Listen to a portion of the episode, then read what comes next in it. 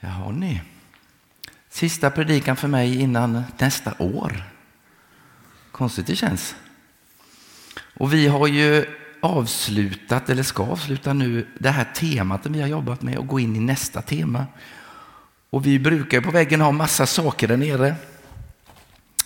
Från vårt tillsammansläger där vi började prata om kroppen och vad vi är duktiga och bra på och barnen skrev massa goda saker, att de är duktiga på skidor och vill åka traktor och de är duktiga på att sjunga och inreda. Och... Fint! Bra att vi kommer ihåg det här. Våra konfirmander har haft också en lapp där de skrev Jag älskar picknick.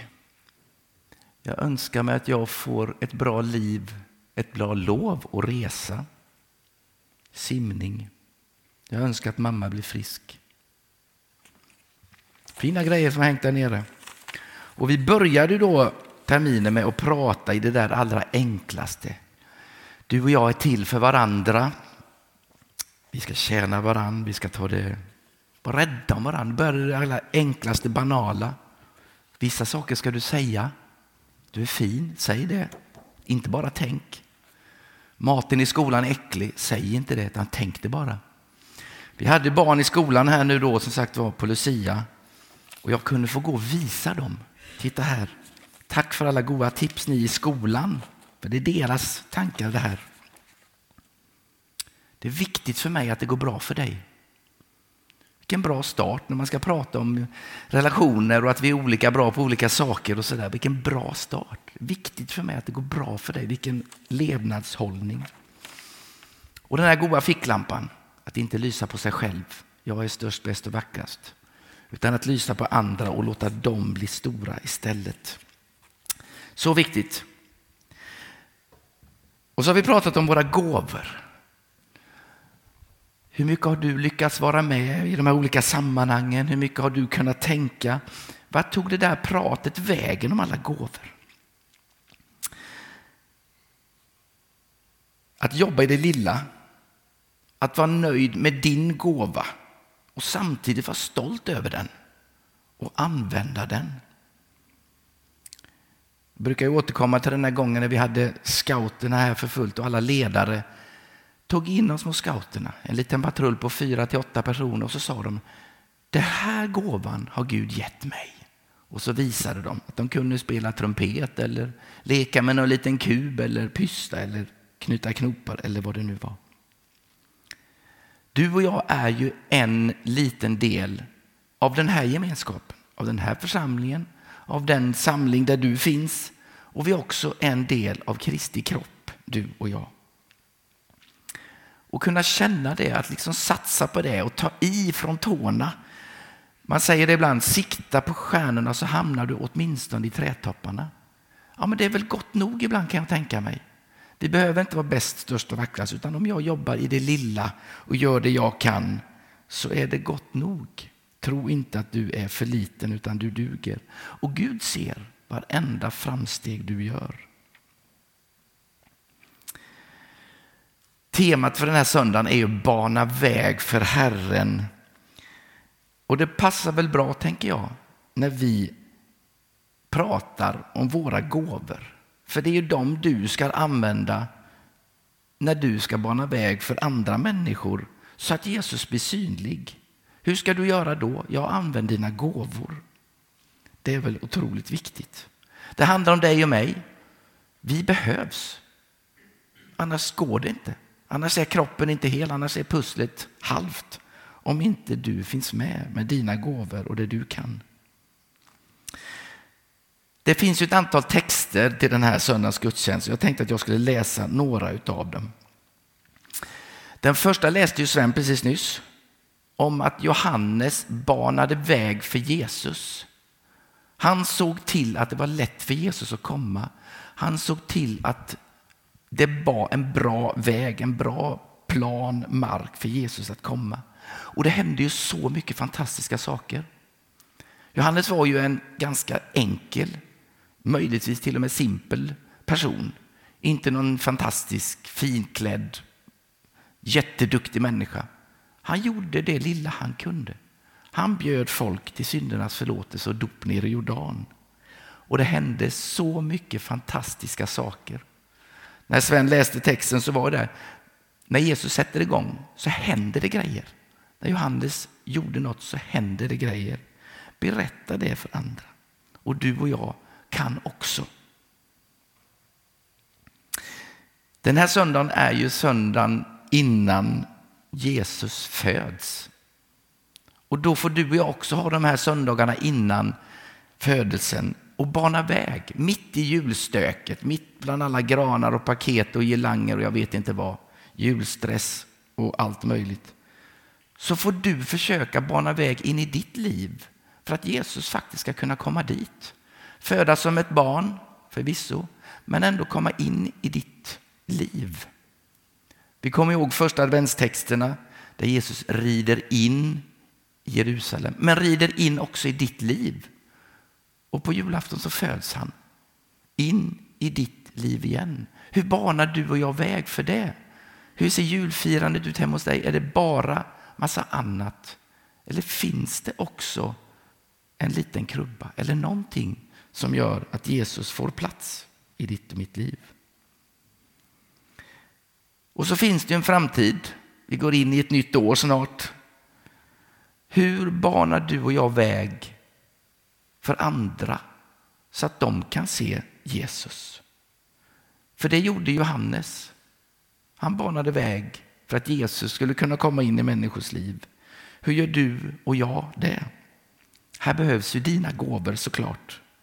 Så att du är med och på ditt sätt visar att Jesus finns i ditt liv och också kan få finnas i andra människors liv. Det här är ett uppdrag att få finnas med dina gåvor. Och så tänker jag att oj, det där blir ju jobbigt. Och så läser vi en av texterna från Saltaren, psalm 146 och några verser. Det börjar lite konstigt, men jag tar med det också. Lita aldrig på mäktiga män Människor som ingen hjälp kan ge. De ger upp andan och blir jord igen. Då går deras planer om intet. Lycklig den som har sitt stöd i Jakobs Gud och sätter sitt hopp till Herren, sin Gud. Han som har gjort himmel och jord och hav och allt som finns i den. Han sviker aldrig sina löften. Han ger dem förtryckta deras rätt. Han ger dem svältande bröd Herren befriar de fångna. Herren öppnar blinda ögon, Herren rätar krökta ryggar. Herren älskar de trogna. Herren ger främlingar skydd, stöder faderlösa och änkor, men korsar de ondas planer. Några rader om hur viktigt det är att du vet att när du går ut och ska använda dina gåvor så är du inte ensam. Tillbaka till första adventstexten när man lägger ut mantlar på vägen och säger till Jesus, rid in här, välkommen, välkommen in i mitt liv, välkommen in i allas våra liv. Hur gör du det? Hur bereder du väg för någon annan människa in till Jesus? Med några stapplande ord. Ja, gå till kyrkan på söndagar. Eller hur gör du? Ibland tror vi att vi ska göra de där svåra bibelstudierna och svara på alla existentiella frågor som dyker upp. Och då minns jag när vi hade bibelskolan här och Jaktlund. Han sa att vi ska inte svara på massa konstiga frågor utan vi ska ställa frågan till människor vi möter. Vad behöver du för något? Och då kommer kanske svaret, jag behöver trygghet. Jag behöver någonting mot min ensamhet. Jag behöver känna mig älskad och då har du världens bästa svar. Jesus finns där för dig. När du använder dina enkla små gåvor som Gud har lagt ner igen i dig, då kan han vara med och hjälpa dig och stötta dig. Och därför den här fantastiska texten om att Gud gör under och tecken och älskar oss alla. Första Korinthierbrevet kapitel 4 finns också med. Vi bör alltså betraktas som Kristi tjänare och som förvaltare av Guds hemligheter. Det är du och jag. Vi behöver alltså betraktas som Kristi tjänare och som förvaltare av Guds hemligheter. Så fortsätter den. Nu krävs ju av en förvaltare att han ska visa sig pålitlig. Det finns ett uppdrag som du och jag har. Och det kan upplevas tungt. Men då har vi den här goda texten innan att när någonting är tungt då går Gud med dig och mig. Och minns min predikan här för några söndagar sedan om tro och predikan. När Jesus vill möta dig in i sitt liv, då är det tro som gäller. Så är det färdigt. Men efter det är det inte ovanligt att gärningarna kommer för att du älskar Jesus tillbaka. Första advent igen. Gör dina portar vida. Sjöng vi precis nyss här. Bana väg för Herren. Hur gör du och jag det? Tillbaka till svensk text. Jag sänder min budbärare före dig, han ska bereda vägen för dig. Det var Guds löfte till Jesus. Och sen säger han fortsättningsvis där.